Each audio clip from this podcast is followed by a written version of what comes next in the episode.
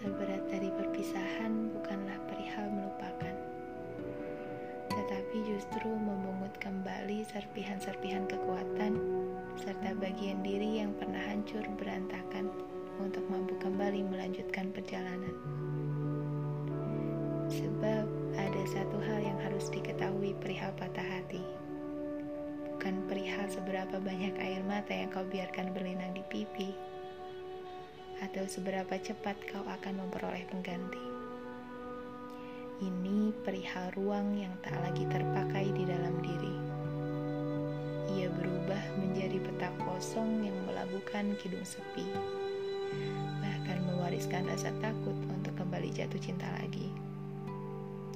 Semuanya terasa berbeda, yang jatuh tak lagi berani untuk melompat sebebas dulu, yang terbang tak lagi berani melayang setinggi dulu. Segalanya tiba-tiba menjadi abu-abu semuanya kini dipenuhi ragu. Karena kita perlahan tahu bahwa ada bagian dari diri kita yang ikut hilang dan tak mampu disembuhkan oleh waktu. Katanya cara melupakan itu ada dua. Pertama waktu, kedua orang baru.